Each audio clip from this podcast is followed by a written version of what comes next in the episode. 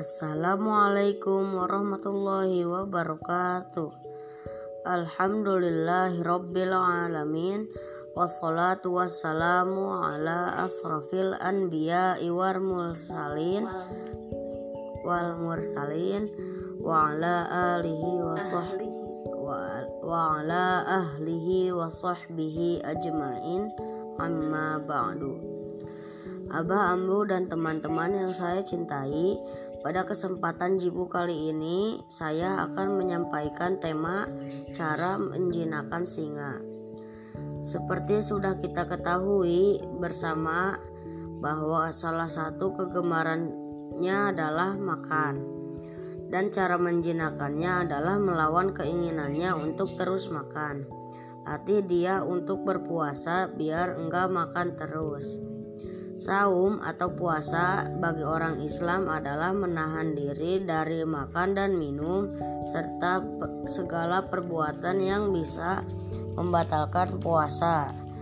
Mulai dari terbit fajar hingga terbenam matahari dengan syarat tertentu untuk meningkatkan ketakwaan seorang muslim sebagaimana firman Allah Quran surat Al-Baqarah ayat 183 yang berbunyi Ya ayyuhalladzina amanu kutiba alaikumus siyamu kama kutiba alal ladzina kutiba alal ladzina min qablikum la'allakum tat tattaqun.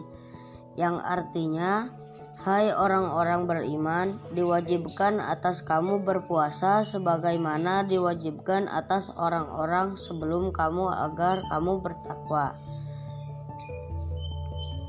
Saum terbagi ke dalam dua kategori, wajib dan sunnah. Saum wajib yaitu saum yang kita laksanakan setahun sekali sebulan penuh di bulan Ramadan. Sedangkan saum sunnah itu banyak sekali macamnya. Di antaranya saum Senin Kamis, saum Daud, ayamul ayamul bid, saum atau saum pertengahan bulan dan lain-lain. Manfaat saum adalah mendekatkan diri kepada Allah, menjaga kesehatan tubuh, melatih emosi, terhindar dari godaan setan, menurunkan hawa nafsu, melembutkan hati dan meningkatkan rasa syukur, detoksifikasi tubuh sehingga tubuh bisa membersihkan diri dari racun atau penyakit. Yang jelas, kalau sang pencipta kita mewajibkan kita untuk saum minimal setahun sekali selama Ramadan. Dia tahu bahwa saum itu baik bagi kita. Bayangkan dahsyatnya saum kalau kita bisa merutinkannya lewat saum sunnah seperti yang dicontohkan oleh Rasulullah Shallallahu Alaihi Wasallam.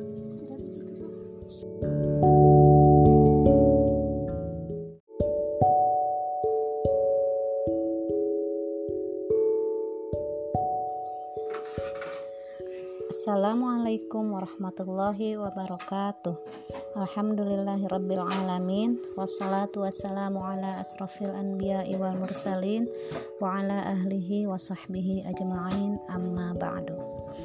Abah Ambu dan teman-teman yang saya cintai Pada kesempatan jibu kali ini Saya akan menyampaikan tema cara menjinakkan singa seperti sudah kita ketahui bersama bahwa salah satu kegemaran singa adalah makan dan cara menjinakannya adalah melawan keinginannya untuk terus makan. Latih dia untuk berpuasa biar enggak makan terus.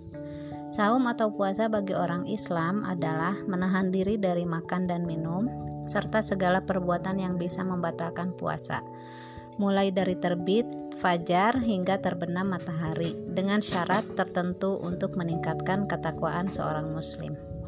Sebagaimana firman Allah dalam surat dalam surat Al-Baqarah ayat 183 yang berbunyi A'udzu billahi minasyaitonir rajim.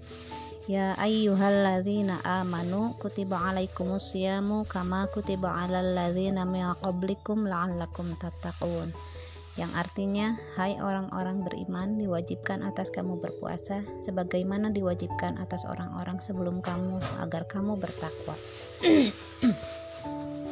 Saum terbagi ke dalam dua kategori, wajib dan sunnah. Saum wajib yaitu saum yang kita laksanakan setahun sekali, sebulan penuh di bulan Ramadan. Sedangkan saum sunat itu banyak sekali macamnya. Di antaranya saum Senin Kamis, Daud, dan Ayamul Bint.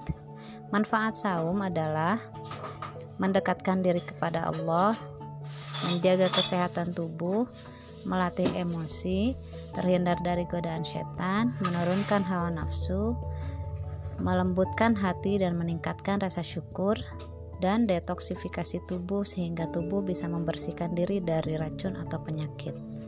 Yang jelas, kala Sang Pencipta kita mewajibkan kita untuk saum minimal setahun sekali selama Ramadan, Dia tahu bahwa saum itu baik bagi kita. Bayangkan dahsyatnya saum kala kita bisa merutinkannya lewat saum sunnah seperti yang dicontohkan oleh Rasulullah Shallallahu Alaihi Wasallam. Perlu diingat dan digarisbawahi bahwa semua amal tergantung pada niatnya. Jika saum kita diniatkan supaya sehat, maka hanya itulah yang kita dapat. Namun kalau niat saum kita adalah dalam rangka meningkatkan kualitas spiritualitas kita dan mendekatkan diri pada Allah, maka tidak hanya fisik yang prima saja yang kita dapat, namun juga ridho Allah dan keselamatan dunia akhirat. Sebagai muslim, ridho Allah terletak di atas segala-galanya. Allah sangat menyukai, menyukai orang yang berpuasa karena Allah, sehingga Allah menjanjikan gerbang khusus di surga bagi yang kemar berpuasa, yaitu surga Ar-Rayyan. Hadis riwayat Muslim. Maka dari itu, marilah kita galakkan dan rutinkan puasa-puasa sunnah supaya tubuh kita sehat dan dalam rangka meraih ridho Allah untuk meraih jannahnya. Itu saja yang bisa saya sampaikan. Mohon maaf bila ada salah kata. Wabillahi taufiq wal hidayah. Wassalamualaikum warahmatullahi wabarakatuh.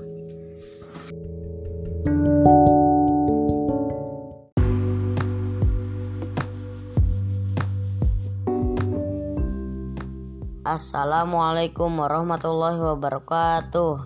Alhamdulillahirabbil alamin wassalatu wassalamu ala ashrafil anbiya wal mursalin wa ala ahlihi wa sahbihi ajma'in. Amma ba'du. Abah Ambu dan teman-teman yang saya hormati pada kesempatan jibu kali ini saya akan menyampaikan tema tentang cara menjinakkan singa. Seperti sudah kita ketahui bersama bahwa salah satu kegemaran singa adalah makan dan cara menjinakannya adalah dengan melawan keinginannya untuk terus makan, yaitu dengan melatih dia untuk berpuasa biar enggak makan terus. Saum atau puasa bagi orang Islam adalah menahan diri dari makan dan minum serta segala perbuatan yang bisa membatalkan puasa. Mulai dari terbit fajar hingga terbenam matahari, dengan syarat tertentu untuk meningkatkan ketakwaan. Sebagaimana firman Allah Quran surat Al-Baqarah ayat 183 yang berbunyi A'udzu billahi minasyaitonir rajim Ya ayyuhalladzina amanu kutiba alaikumu kutiba alaikumus siyamu kama kutiba alal ladzina min qablikum la'allakum tattaqun yang artinya hai orang-orang beriman diwajibkan atas kamu berpuasa sebagaimana diwajibkan atas orang-orang sebelum kamu agar kamu bertakwa.